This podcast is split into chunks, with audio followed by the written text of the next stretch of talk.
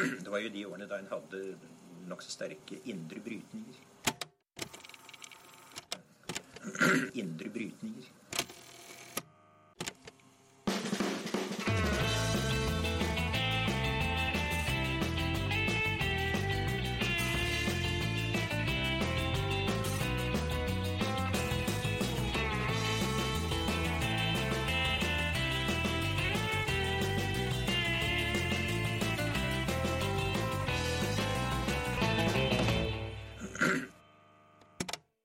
Hallo, hallo, og velkommen til Noen har snakket sammen. Eh, mitt navn er Aksel Fjellavli, og denne uka her så eh, er det bare meg her, rett og slett. Eh, Halvor han har jo flytta til Kina, og Tiril hun er i Arendal. Det er jo Arendalsuka denne uka her, og det er ganske mange av de som, i, som jobber i Tankesmien Agenda, som, som er der og deltar på ulike debatter og arrangementer. Men eh, vi kan jo hygge oss her eh, likevel. Eh, jeg får besøk av Jonas Bals, som er rådgiver i LO, og vi skal snakke om yrkesfag.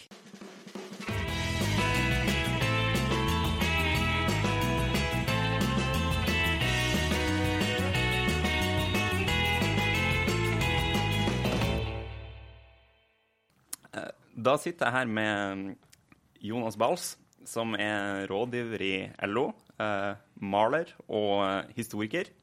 Vi skal snakke litt om eh, yrkesfag. Eh, men eh, denne uka her så er det jo også Arendalsuka. Eh, og dit skal du også. Og det tenkte jeg kunne være en, en grei inngang til å snakke litt om hvordan, hvordan debatter er det som går for tida. Hvilke diskusjoner er det du skal ta der? Ja, eh, jeg skal ned dit for første gang. Jeg er litt spent på det. Jeg må innrømme at jeg, jeg går og kjenner på en sånn viss motvilje mot uh, uh, mot deler av altså Sånn man oppfatter arrangementet litt ut, fra utsida, så virker det jo litt som det er eh, snakkeklassen fra Oslo som drar ned til en annen by. Og så flytter alle de som bor i den byen ut for å gi husrom til oss som eh, kommer ned. Uh, og så går vi på møter med hverandre, vi som ellers møtes i Oslo-gryta. Jeg veit ikke om det er sånn, og jeg, jeg er eh, Jeg regner med at jeg kommer til å bli positivt overraska. Og det er i hvert fall en del eh, debatter og diskusjoner og sånn jeg gleder meg til å overvære sjøl. Sjøl skal jeg bl.a. snakke om yrkesfag, som vi skal snakke litt om her nå. eh, På et arrangement i regi av LO-IT-forbundet. Mm. Um, jeg skal også delta i en debatt hos Fafo om innvandring og innvandringspolitikk. Mm. og være ordstyrer på et arrangement i regi av Frelsesarmeen, faktisk. Om de mørkeste sidene av sosial dumping, egentlig. Som jo er det jeg jobber med til daglig. Uh, nemlig det som går på menneskehandel, tvangsarbeid. Uh, de virkelig grove tilfellene av uh, sosial dumping og arbeidslivskriminalitet. Vi, vi skal jo fokusere litt spesielt på det, det første, da, yrkes, uh, yrkesopplæringa, selv om Mm. det jo uh, henger sammen. Uh, jeg leste en eh, kronikk du skrev eh, for et års tid siden eh, i Dagbladet, der du bl.a. Skriver, skriver følgende. Flere av yrkesfaglinjene i Oslo er blitt et sosialkontor mer enn et utdanningsløp, og brukt som en oppsamlingsplass for elever med problemer. Det haster å snu denne utviklingen. Eh, og da lurer jeg på, har utviklinga snudd? Det er litt eh, sammensatt svar på det spørsmålet. Fordi det er tegn til at eh, det begynner å gå i riktig retning for i hvert fall en del av yrkesfaga. Hvis vi ser på de nasjonale tallene nå, så er det en moderat økning i søkerantallet til i hvert fall en del av fagutdanningene.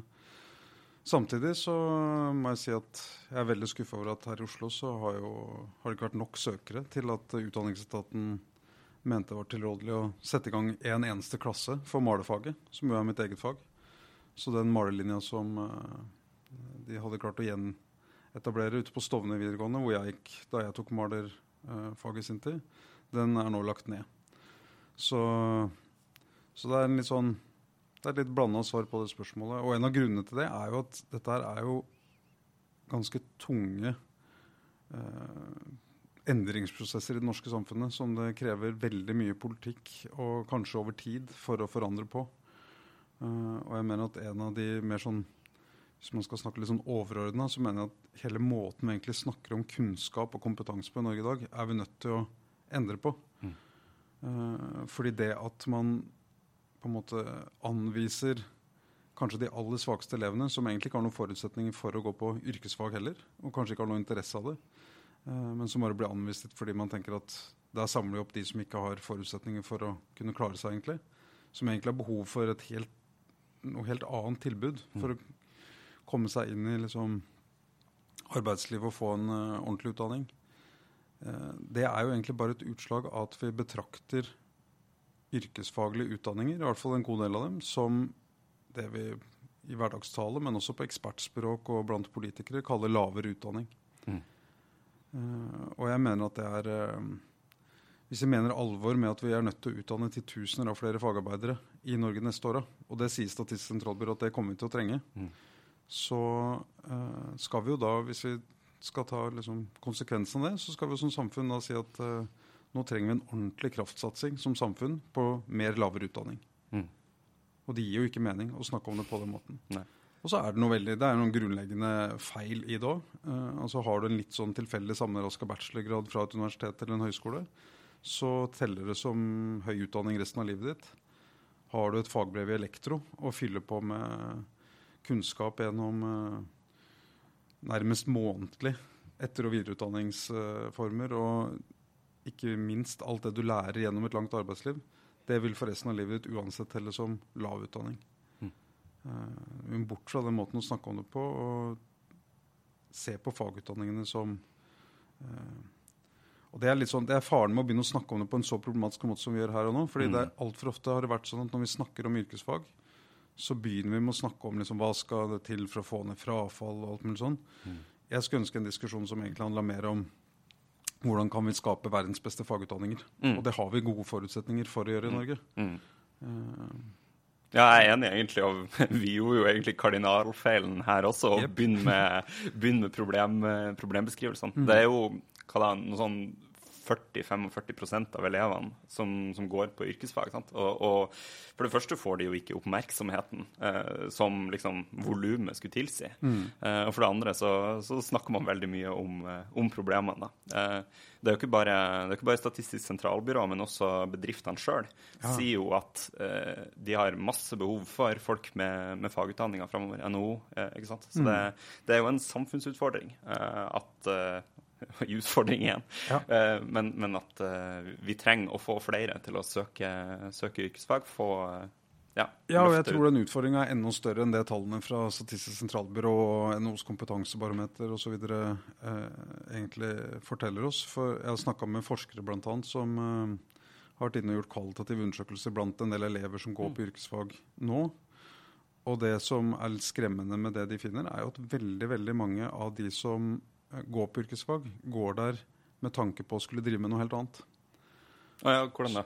Nei, så, altså Sjøl om det er for få eh, som eh, søker seg til å gjennomføre et yrkesfaglig utdanningsløp, så er det også sånn at veldig mange av de som faktisk gjør det, har tenkt å drive med noe helt annet enn å jobbe som fagarbeidere.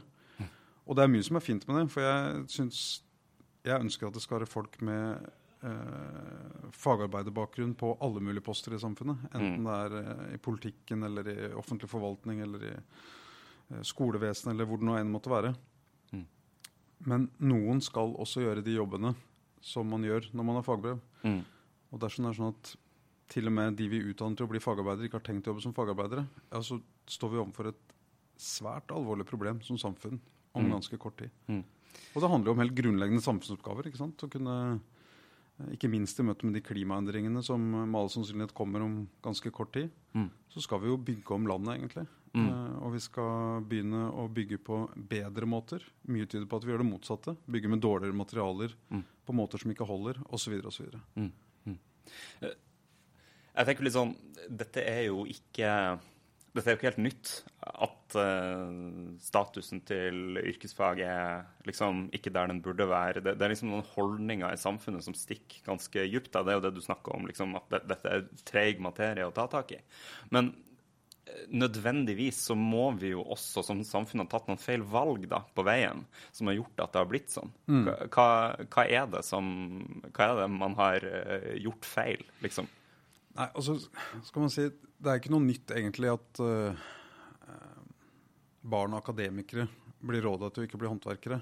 Men det som er nytt, er vel at også barn av fagarbeidere ofte blir råda av foreldra sine til å bli noe annet. Mm. Og jeg tror en av de viktigste grunnene til det, uh, det handler jo om den utviklingen vi har sett i deler av arbeidslivet. Og det jeg nevnte helt innledningsvis, nemlig sosial dumping, arbeidslivskriminalitet, lavlønnskonkurranse. Uh, og det er jo ikke veldig vanskelig å skjønne at uh, dersom du står med uh, håndverkere som jobber for 60 kroner timen inne i stua di, Mm. så går det ikke å anbefale barna dine å velge den utdanninga. Mm. Såpass logiske er folk. Og jeg mener at kanskje noe av det viktigste politikken har gjort feil der, er å ikke ta mye hardere fatt i disse problemene tidligere. Nå er det jo positive ting som skjer mange steder rundt om i Kommune-Norge, eh, med kommuner som vedtar Det begynte egentlig med det som vi kalte Skiensmodellen for noen år siden. Mm. Eh, har blitt utvida til flere fylkeskommuner òg, som bl.a. Telemarksmodellen. I Oslo har vi fått Oslo-modellen. Mm. Det er det Og dette er det samme i grove trekk? ja, det er, det er samme ideen som ligger bak, og det er at eh, konkurransen eh, Altså det offentlige står jo innenfor bygg og anlegg, da, som er eh, bakgrunnen, bakgrunnen min. Så er det offentlige står for omtrent 50% av omsetninga til bransjen. Så det er klart at hvis det offentlige eh, stiller ordentlige krav eh, når de legger ut jobb på anbud, så vil det ha veldig, veldig mye å si for nivået på seriøsitet og hvor attraktivt ungdom oppfatter bransjen å være. Og så vil det også ha helt konkret noe å si for om det finnes lærlingplasser Mm. for de som eh, begynner på en eh, fagutdanning. Mm. Så ideen går i korthet ut på å stille krav om f.eks. 10 lærlinger, eh, sånn som vi gjør i Oslo. Mm. Eh, Stille krav om at det skal være en høy andel eh, eh, med fagbrev. Mm. Som skal kunne lære opp lærlingene, eh, og som også sørger for at bygget blir oppført på en ordentlig måte. Eh, At man bruker egne ansatte istedenfor innleie og ulike former for løsarbeidere osv. osv. Mm. Og jeg mener hadde vi gjort det for eh, 15 år siden Mm. i en by som Oslo, så hadde vi stått i en helt annen situasjon i dag. Det ville vært en etterspørsel etter lærlinger. Eh, fag som i dag oppleves som lite attraktive, ville framstått som eh, veldig attraktive. Mm. Det ville vært eh, arbeidsplasser som ble oppfatta som trygge og gode å gå til, og som man helt fint kunne anbefale barna sine å velge. Og Den tryggheten er det jo mange som føler at de ikke har i dag, og derfor så råder de barna sine, og barna sjøl tenker nok også ofte at eh, det de hører onkler, tanter, slektninger, andre venner fortelle, det gjør at de ser en annen vei Mm. enn dit de burde se. Og det er veldig alvorlig for oss som samfunn, men det er veldig veldig dumt for mange av disse unge folka òg, tenker jeg. Mm. Eh, veldig mange folk som i dag sliter med å få fotfeste både i skolen og i arbeidslivet, som, eh, som jeg tror ville hatt stort utbytte av å kunne velge seg en eh, såkalt praktisk utdanning. Men Oslo har jo vært en del dårligere på mange måter enn andre fylker. Altså Søkninga til yrkesfag altså Hvis du sammenligner Oslo med jeg vet ikke, Finnmark, da, som vel er den eh, ekstremen i motsatt ende, så er det veldig lav, altså har vært veldig lav søkning til yrkesfag. Det er klart det må jo være problemer for, eh, for bedrifter i Oslo-området. Mm. eh, At man ikke får arbeidskraft. Eh, Mm. Det er ikke elever som bor i Oslo-området, som kan begynne å jobbe i Oslo-området. og Ja, og bedriftene ser jo dette er nå, nå som det plutselig blir stilt som et krav at du skal ha lærlinger for å kunne være med å konkurrere om offentlige jobber. Så ser vi jo at altså, effekten kommer jo, fordi da begynner man å etterspørre lærlinger. Og da blir det jo plutselig kamp eh, om de ungdom som søker seg dit. Mm. Jeg mener det er veldig viktig å Altså, skal man skal man få snudd den utviklinga her, så er det én ting å på en måte tenke tiltak retta mot ungdommen, men man, man er også nødt til å ta et ordentlig tak i bransjen sjøl sånn den er i dag. Og så sørge for at veldig mange av de som jobber der i dag, som er ufaglærte, ofte utenlandske, ofte ikke snakker språket, mm. at de er nødt til å bli løfta opp og inn i det ordinære arbeidslivet. Mm. Få seg et norsk fagbrev, eh, lære seg norsk, sånn at man kan snakke sammen på byggeplassene osv. Mm. Eh, jeg, når jeg gikk på videregående, eh, og eh, en viss tid etter det også, så var jeg, var jeg aktiv i Elevorganisasjonen. Og, og den delen av uh, yrkesopplæringa som det var liksom klart mest trøkk på fra, fra yrkesfagelevene sjøl, det, det handla om antall læreplasser. Mm. Uh, og eh, på den tida så var jo det, det store slagordet var jo lovfesta rett til læreplass, eh, som vel det kom i Soria Moria-erklæringa, hvis jeg ikke husker feil, at det skulle utredes. Så ble det utreda, og man konkluderte med at dette var litt vanskelig. Uh, og så har jeg sett nå at det er i flere fylker man snakker, eller i hvert fall innenfor enkelte fag i flere fylker, mm. at man snakker om en læreplassgaranti. Mm. Er det, hva er forskjellen på det å lovfeste rett til læreplass, egentlig? Altså en av grunnene til at det er vanskelig å lovfeste, er jo at det er jo tross alt ikke staten. Eh, bortsett fra de tilfellene der staten selv er arbeidsgiver, så er det ikke staten som står for lærlingplassene. Det er det bedrifter ute i det private næringslivet som gjør. Mm. Så Derfor er det vanskelig å lage den type lovfesta rettigheter til lærlingplass. Uh, men det å gi garantier er jo mulig. Forutsetningen for at en bransje skal kunne gi garanti om at søker du deg til uh, malefaget, så garanterer det lærlingplass. Det er jo at bedriftene veit at det finnes et marked for de som er seriøse, som tar opplæringsansvar og samfunnsansvar, å konkurrere på. Mm. Og altfor lenge her i Oslo, f.eks., som det er helt riktig som du sier, det har vært en, eh, altså, det er ekstremt dårlig søkning, og det er ekstremt dårlig gjennomføring på yrkesfag i Oslo. Og i tillegg er det veldig veldig, veldig få søkere fra vest for Akerselva, for å si det enkelt. Um, altså det, er, det er helt riktig, som du sier, at det er uh, altså Tallene i Oslo er veldig veldig dårlige sammenlignet med andre steder i landet. Mens det fortsatt er sånn at omtrent halvparten av all ungdom søker seg til yrkesfag i Norge, så er det i overkant av 20% som er gjort i Oslo. Uh, og veldig få av de som går på yrkesfag, uh, gjennomfører i Oslo. Disse tinga her er jo ting man uh, også kunne gjort noe med. Problemet i byggebransjen, da, for å gjenta den som eksempel, som er den jeg kjenner best, så var det jo lenge sånn under det forrige borgerlige byrådet her i Oslo at det ble stilt krav, f.eks. når man skulle sette ut malejobber, om at en viss andel av jobben skulle utføres av ufaglærte. Fordi da kunne du få prisen ned på det laveste nivået på de allmenngjorte minstelønnssatsene. I dag så har man jo snudd den logikken på huet ikke sant? og sier at jobbene skal utføres av en høy andel faglærte. Eh, det skal være med lærlinger på prosjektene osv. Lærlingklausuler fantes det i Oslo eh, tidligere òg, men problemet med dem var jo at de lå og sov i en skuff borte på rådhuset. De ble jo ikke satt ut i livet. Og det er klart at Da opplevde mange bedrifter det som en konkurranseulempe å ha lærlinger. De opplevde det som en konkurranseulempe å ha fagarbeidere. Og når markedet er så pervertert, så er det heller ikke rart at det er umulig for bedriften å si at kommer du til oss, så skal vi garantere at det finnes lærlingplasser. Mm, mm. Det, det, var jo noe som heter eh, samfunnskontrakten eh, for Det er jo det fremdeles. Men, men, det var noe som ble satt i gang i 2011, hvis jeg ikke tok helt feil. Eh, et, et, samarbeid mellom partene i arbeidslivet for, for å få flere læreplasser. Uh, og det var jo en avtale som la forpliktelser både på uh, det offentlige, uh, men også på arbeidsgiverorganisasjonene og arbeidstakerorganisasjonene for å bidra til flere læreplasser. og man hadde et mål om å få til en økning på 20 tror jeg, innen 2016. Og man endte opp, hvis jeg ikke tar helt feil, på 12 økning. Hva er det som gjør at det, så, at det er så treigt? Eh, å få eh, flere læreplasser. Hvorfor klarer man ikke helt å nå de, de ambisjonene man setter seg?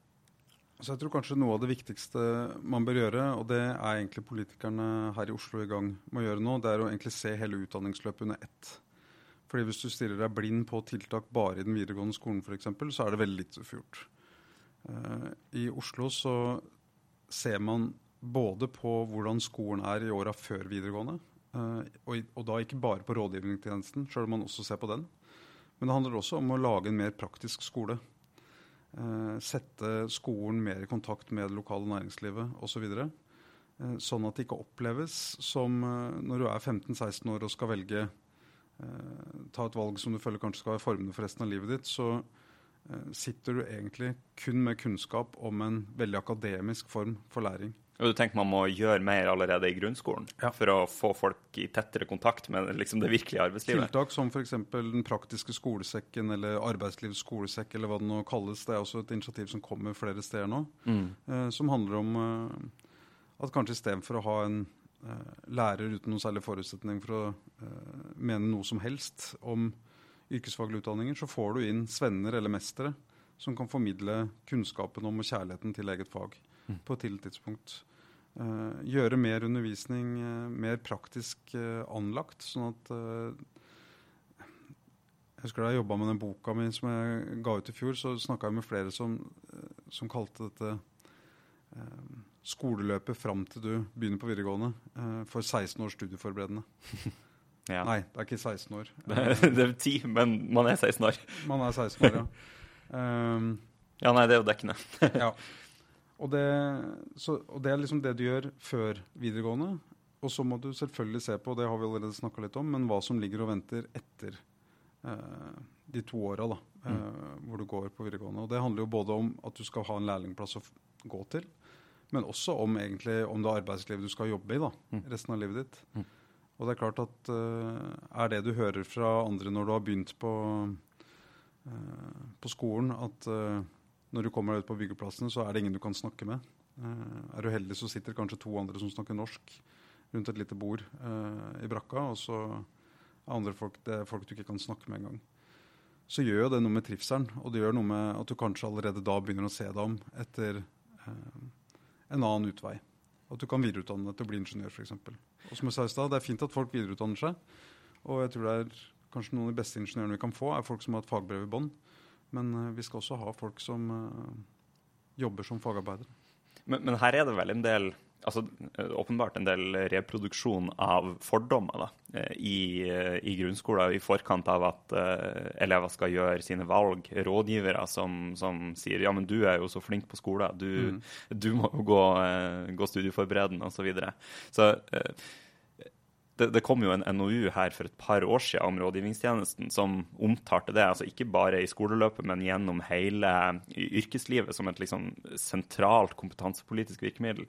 Uh, men som ikke har blitt fulgt opp ennå. Jeg vet ikke om hvordan planene ser ut for det. Men, men rådgivningstjenesten må jo også være viktig da, for, å, for å få flere elever til å forstå kvalitetene ved yrkesfag.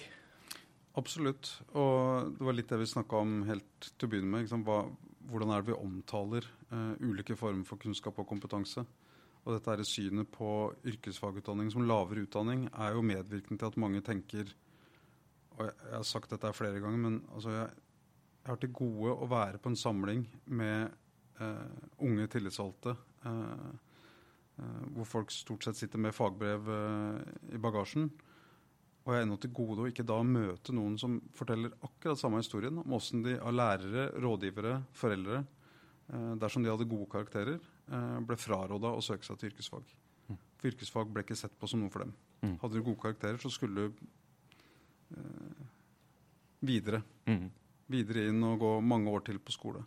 Og det Altså jeg kan skjønne at det, dette her henger jo litt sammen med åssen Norge var for 50-60-70 år siden. Og det, for arbeiderbevegelsen har jo dette vært en eh, eh, Kanskje en av de store seierne man eh, oppnådde i forrige århundre, var at man klarte å åpne utdanningsløp som før var forbeholdt overklassens og den øvre middelklassens barn. Det ble også tilgjengelig for arbeiderklassen.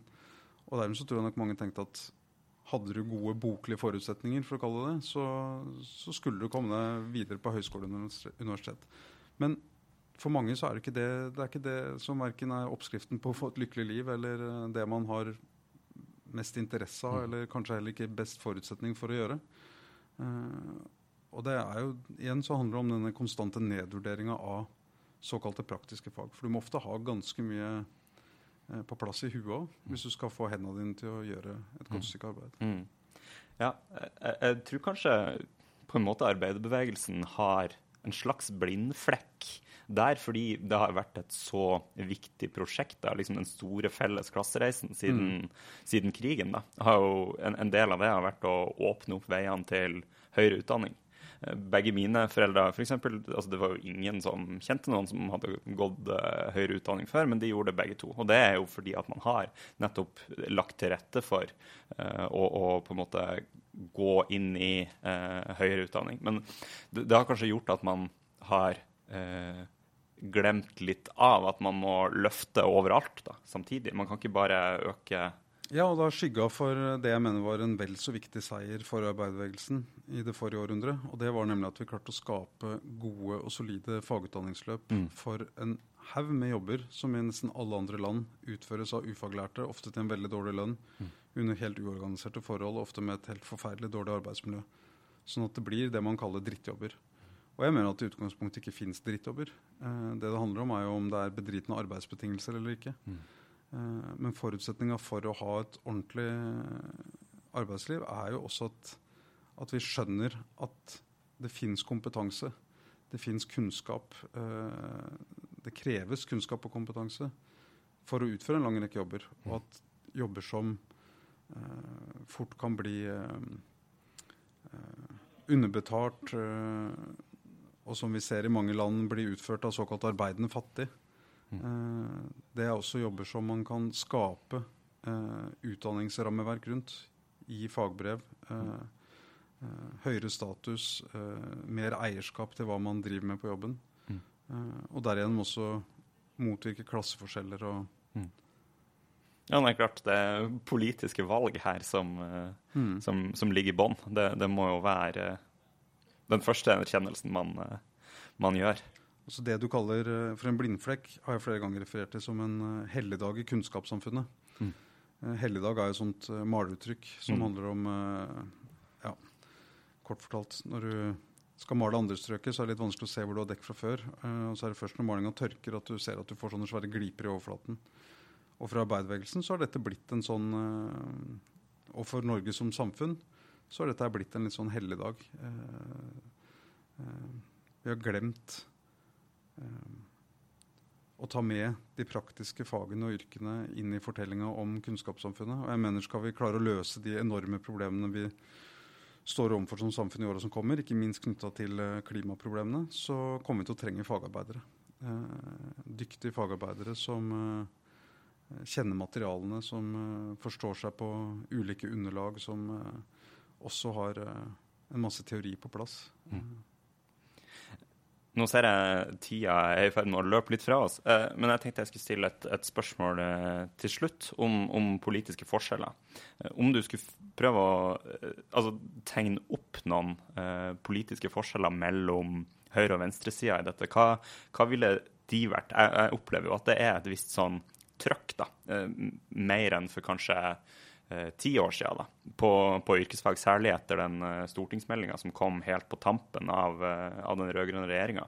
Så har det liksom vært en, en slags sånn felles forståelse for at her må vi gjøre noe. Mm. Men, men hva, hvor ligger forskjellene i veivalg hen? Altså, jeg tror nok at Det viktigste ligger jo Man må jo se på hva man gjør, og ikke bare hva man sier. For det kan vel uh, se litt ut som det har blitt et kappløp om å snakke varmest og mest om yrkesfag nå. Og som jo også er bra. Det er bra, for det er en viktig del av jobben som skal gjøres, det også. Uh, men det koker jo allikevel ned til hva man gjør. Og jeg mener noen av de tingene man bør måle uh, politikerne i et valg på, er jo om man er man villig til å gjøre skolen mer praktisk? Er man villig til å åpne for flere måter å lære på i skolen? Er man villig til å rydde opp i arbeidslivet, som står og venter på ungdommen i den andre enden av skoleløpet? Er man villig til å stille strenge krav om lærlinger, kanskje om språk, om fagkompetanse osv.? Sånn at vi kommer oss bort fra den retninga vi egentlig fortsatt går i som samfunn nå. Nemlig et arbeidsliv med større klasseforskjeller, med et A, B, C og kanskje til og med D-lag et arbeidsliv som, eh, som ikke framstår attraktivt for norsk ungdom, og som dermed kommer til å ende opp som sånn såkalte innvandrerbransjer. Mm. Hvis vi ikke gjør noe ordentlig så det monner. Mm. Tenk vi lar det være siste ord. Altså. Tusen takk for at du kom. Takk for meg. Eh, Tiril hun har lovd at hun skal lage eh, et lite klipp fra eh, Arendal. Jeg vet ikke helt hva det er hun har eh, kokt i hop, men vi kan jo bare si at vi setter over til Arendal. Hei, da er jeg i vakre Arendal under Arendalsuka sammen med Turi Christensen, som sitter på Stortinget for Høyre. og du har bl.a. ansvaret for yrkesutdanningen i Høyre. Mm -hmm. Hallo? Ja, det stemmer. Det er jo noe av det aller morsomste jeg kunne tenke meg å jobbe med. Så dette her har blitt veldig moro. Da var det bra at jeg fant deg, så vi kunne snakke litt om yrkesfag i dag. For det har jo vært tema for den episoden eh, i denne uka. Eh, og vi hører jo mye også her i Arendal om at det er et stort behov for yrkesfag i fremtiden. Eh, og i år så gikk jo faktisk søkertallene på en del yrkesfag opp. Hva er det du tenker at regjeringen har gjort for at det har skjedd? Eh, jeg tror at det er i det hele en stor satsing på yrkesfag. Altså Vi har eh, startet noe som heter Yrkesfagløftet. 2018 er yrkesfagenes eh, år. Og vi har gjort ganske mye. Vi gjør noe med selve utdanningen. altså Den blir nå strukturert på en annen måte. Elevene skal få spesialisere seg tidligere. Og de skal få mer relevant teori. Vi har gjort mye på lærlingesiden for at det skal bli lettere for å få lærlinger. Vi har en stor lærlingedugnad i gang. Eh, og så handler det om yrkesfagene, som jeg nevnte. Altså, det handler om å få vist folk hvor fantastisk yrkesfag er. For vi har en utfordring med at for få har valgt yrkesfag. Nå kom nye tall som var bare sånn jippi, nå er det flere som søker. Og halvparten eh, av de som går på videregående, søker eh, yrkesfag nå. Men vi har en stor jobb å gjøre. Fordi fagbrev og mesterbrev er like viktig og like bra som en mastergrad. Eh, og jeg tror at en del ikke velger yrkesfag, eller blir anbefalt å velge yrkesfag ut av en misforstått eh, oppfatning om at du mister en masse muligheter hvis du velger yrkesfag. Det er tvert imot.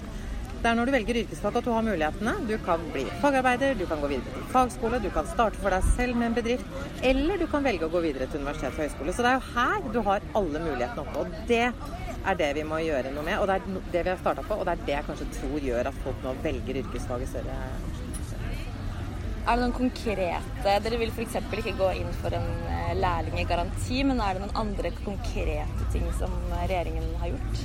Annet enn penger? Ja. Nei, altså Grunnen til at vi ikke går inn for en lærlinggaranti, er, det er rett og slett ikke noe vi politikere kan bestemme. Det er faktisk bedriftene som ansetter disse lærlingene. Men vi har jo økt lærlingtilskuddet med 21 eh, 000 kroner. Vi har innført en merkeordning for lærlingbedrifter, sånn at man kan se hvilke bedrifter faktisk er som tar sitt ansvar. Eh, og vi har også nå innført krav om at alle som ønsker å vinne et anbud om en offentlig kontrakt, er nødt til å ha lærlinger. Og så har vi hatt en egen lærlingstrategi for å øke antall lærlinger i staten. Kommunene har faktisk vært enda flinkere. Det er 32% økning på lærlinger i Kommune-Norge. Staten har økt med 25% Så det er en rekke tiltak vi har gjort. Altså, jeg syns det er så morsomt å jobbe med dette. Eh, jeg tror ikke vi er i mål. Eh, så det er veldig gøy å være her i Arendalsuka og møte både fagforeninger og bedrifter for vi har mer å gjøre, men peker, pilene peker virkelig i riktig retning. Ja. Men fortsatt så er det vel en del fordommer og myter knyttet til Du var litt inne på det i sted, men, men eh, arbeidsforhold og lønn f.eks. Og vi har vært innom eh, eh eller en, en, del av den politiske debatten handler jo om f.eks. innleie og, og nulltimerskontrakter, som har vært eh, ødelagt rykte for hvert fall en del eh, innenfor byggenæringen. Um, hva tenker du om, om, om, Er man i ferd med å snu disse mytene og fordommene også? Det er i hvert fall det vi jobber for, og jeg tror noe av mytene og fordommene gjør jo altså at Altså kan si Ungdommene, når de skal velge, så de de hører mest på, er jo foreldre mm. og rådgiveren på skolen. Eh, og det er jo nå avdekket at rådgivere kan gi råd som at nei, men du har jo altfor gode karakterer, du bør ikke velge yrkesfag. Det er jo helt horribelt. Eh, og det betyr at vi er nødt til å gjøre noe med kompetansen til rådgiverne, sånn at de eh, kan gi riktig råd. Det handler om foreldre som har tenkt det samme, og det er her jeg tror vi kanskje ser en endring. Men så har du også helt rett i at spesielt innenfor enkelte bransjer, bygg og anlegg, og spesielt i Oslo-området, så er det klart at bedriftene har nok bidratt til selv eh, å gjøre en del tiltak som gjør at de unge ikke får så lyst til å jobbe der. Eh, og det handler om at eh, ja, kommer du på arbeidsplassen, alle skiltene står på polsk, du har nesten ingen å snakke norsk med fordi det er så mange utenlandske arbeidstakere. Ikke feil i seg selv det, men det er litt måten det blir tatt imot på. Eh, så er det ikke veldig attraktivt for, for norsk ungdom. Men nå er det jo gjort en del på det òg. Altså, Nulltimerskontrakter skal de ikke ha. Det kan de ikke ha lenger. Og jeg tror også at bedriftene selv vil våkne opp og se at dette ikke har vært lurt. Fordi fast ansatte, kompetente ansatte som er i bedriften i en eh, lengre tidsperiode, bidrar til innovasjon. Det bidrar til bedre kvalitet på tjenestene. Og det er jo det noen bedrifter sier nå, at de merker at eh, produktiviteten og lønnsomheten går ned. Mm. Og da er mitt råd ansett norsk ungdom. Ta inn flere lærlinger. Sørg for eh, at vi bruker vår, vår arbeidskraft, og dere får også bedre resultater. Hvordan ser du da eh, åpningen for f.eks. å flagge ut Color Line i den sammenhengen, hvis man da åpner opp for dårligere lønns- og arbeidsvilkår i en bransje som eh, mange nordmenn har jobbet i, men som ikke så mange nordmenn nå jobber i? Eh, vet du hva, Det er et område som jeg har jobba veldig veldig lite med, så det er litt vanskelig for meg å kommentere. Jeg har registrert debatten, og at det går på skal vi i gåseøyne eh, ofre disse 700 for å redde 2500 andre. Men jeg må bare ærlig innrømme at den debatten kan jeg ikke nok om til å kunne si så mye om. Men man kan, kanskje, man kan vel si at uh, man kan gjøre en enkel ting med utdanningen i seg selv for å gjøre den mer, mer attraktiv, men at det også handler litt om det arbeidslivet man går ut i ja. som yrkesfag. Nei, men absolutt. Og jeg var i en debatt eh, med El- og IT-forbundet litt eh, tidligere i dag. og han som representerte Nelfo, altså arbeidsgiversiden der, og han var også helt tydelig på at de bedriftene som ikke tar inn lærlinger. De sikrer seg ikke kompetent arbeidskraft i fremtiden. De bedriftene som ikke gir gode utviklingsmuligheter, de vil ikke klare å være, eh, levere like gode tjenester, og det er å gjøre seg selv en bjørnetjeneste. Mm. Og det mener jeg at norske bedrifter eh, bør forstå. Vi ser at det har vært noen som har kanskje ikke helt av ond mening i starten har tenkt at det har vært enkelt å ta inn kortvarige kontrakter fra utlandet, men de ser nå at det straffer seg. Eh, og det er klart det er jo ingen bedrifter som vil gå glipp av innovasjon, få dårligere lønnsomhet, miste kunder pga. dårlig kvalitet. Nå sier jeg ikke at det skjer i alle bedrifter med utenlandske arbeidstakere, for det er, det er, virkelig ikke sånn det er, men det handler om totalbildet. Mm. Mm. Så du syns du kan se en slags eh, oppvåkning på akkurat dette øyeområdet eh, hos eh, bedriftsledere? Ja, i hvert fall en del av de jeg har pratet med. og Det har gått fra alt fra, fra entreprenører til taktekerbransjen, som, eh, som, også har sagt til meg at ja, vi hadde rett og slett vanskelig for å få tak i folk en stund, og isteden leide de inn. Uh, Istedenfor å kanskje ta inn de lærlingene de trengte. Mm. Og så ser de nå at det er noe av det dummeste de har gjort. Så nå er det tilbake til å ta inn lærlinger. Og jeg håper at det er en trend. Eh, men samtidig så gjør vi også ganske mye nå i eh, arbeidet mot å få, få, gjort noe med bygg- og anleggsbransjen, spesielt i Oslo-området. Men så handler det også om å motvirke sosial dumping, jobbe mot arbeidskriminalitet. fordi det er jo en del ting som har vært avdekket som ikke er bra i det hele tatt. Og sånn skal vi ikke ha det i norsk arbeidsliv. Men eh, forbudet mot bemanning som ble vedtatt tidligere i år, det vil ikke Høyre ha? Ikke det som ble vedtatt, nei. Men eh, det var jo faktisk jobbes fram en enighet med aktørene i, i, næringslivet og fagorganisasjonene som man egentlig var enige om. Som jeg tror hadde løst de problemene, eller jeg er helt overbevist om at ville løst de problemene. Det var jo det bransjen selv sa de trengte. Men så var det noen partier på Stortinget som hadde lyst til å gå litt lenger, og det hadde ikke vi lyst til å være med på. Og det er fordi vi ser at det vil eh, medføre en del problemer på en del områder som eh, ikke er det vi skulle adressere. Altså hadde hadde ikke om bygg- og anleggsbransjen og renholdsbransjen, men f.eks. sykehusene i Nord-Norge. Som ikke går rundt hvis ikke de kan leie inn kompetent arbeidskraft fra bl.a. Sverige og Finland. Eh, krav de er ansatt i sitt hjemland, krav om at de skal ansettes her. Det, altså det er en del utfordringer som vi syns er veldig synd at vil bli rammet av dette. Eh, og så syns vi Jeg har også vært i en debatt om, med, om fagorganisering og organisasjonskrav, som jeg mener er viktig. Men at, at, man skal tvinge bedriftene inn i organisasjoner for at de skal få lov til å bruke innleie, det syns jeg også var helt feil. Så der var vi ikke enige. Forstår. Um, tusen takk for at uh, jeg fikk tatt denne lille praten med meg. Det er jo bare én av mange ting du gjør i Arendal. Hvor mange debatter er du egentlig med i? Nei, du, vet du hva? Jeg satt strek etter åtte. Ja. uh, og det er noe, uh, en av grunnene til det at det er jo første gangen jeg er her. Ja. og hele mitt første år på Stortinget har vært full av sånn Pippi-moments, og det føler jeg Arendalsuka er. Altså den typen 'dette har jeg ikke gjort før, men det går nok bra'. Ja. Og det er kanskje det er jo mange spisse debatter, og det er mye som skal forberedes. Så jeg er litt glad jeg satt strek etter åtte, men det er sabla moro. Og så er det jo hyggelig å møte sånne som dere her, da, for å slått av en prat om favorittemnet mitt, yrkesfag. Veldig bra. Jeg regner med at vi kanskje ses her neste år også, da. Ja, det tror jeg dette her ga mersmak i hvert fall. så jeg håper det. Veldig fint. Du får lykke til eh, videre, og så ses vi tilbake i Oslo. Det gjør vi. Tusen takk skal du ha. Helt eh, på tampen så eh, bruker vi jo alltid å ha ei lita anbefaling å komme med. Så det tenkte jeg vi skal ikke hoppe over det denne gangen heller. Eh, så, ble, så, jeg tenkte hm, ja, hva kan være god eh, liksom yrkesfagrelevant anbefaling å komme med? Eh, og da har jeg to anbefalinger, faktisk. Den ene er at det har kommet en ny sånn eh, merkeordning på en måte av bedrifter med lærlinger. Så det gjør det jo litt lettere som hvis man skal ha en håndverker hjemme, f.eks. og, og velge en bedrift som, som bruker lærlinger. Så det er den første anbefalinga. Velg bedrifter som, som har lærlinger. Og så den andre anbefalinga her er ei bok av en forfatter som heter Ole Torstensen.